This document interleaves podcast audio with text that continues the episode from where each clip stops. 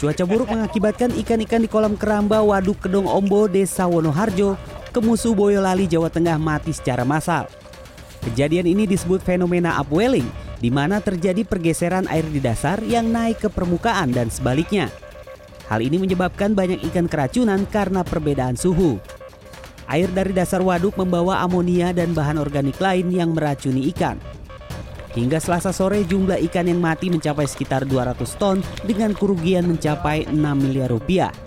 Petugas dari Dinas Peternakan dan Perikanan Boyolali pada selasa sore melakukan pemeriksaan kandungan amonia di dalam air. Pengambilan sampel air dilakukan di beberapa titik baik di pinggir dan di tengah waduk.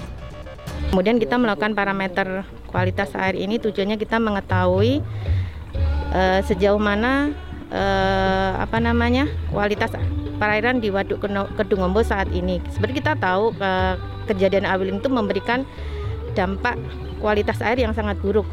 Cuman kita harus uh, lebih ingin mengetahui dari segi parameternya gitu.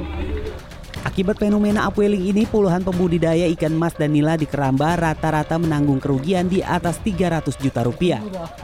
Pasalnya ikan yang mati adalah ikan yang siap dipanen dengan berat 1-2 kg setiap ekornya dan mempunyai harga jual Rp35.000 per kilogram. Punyaan saya sendiri sekitar 16 ton. 16 ton. 16 ton. Kalau kita kalikan dengan harga ikan 35.000 itu kerugian saya. Ya sekitar berapa ya? 500-an. 500 juta. 500 juta, iya. Kematian massal ikan di Keramba Waduk Kedung Ombo telah terjadi sejak Sabtu 31 Desember. Awalnya ikan yang mati sebanyak 175 ton, lalu jumlahnya bertambah lagi hingga 25 ton pada Selasa 3 Januari, sehingga total ikan yang mati mencapai 200 ton. Taufik Irvani, Boyolali, Jawa Tengah.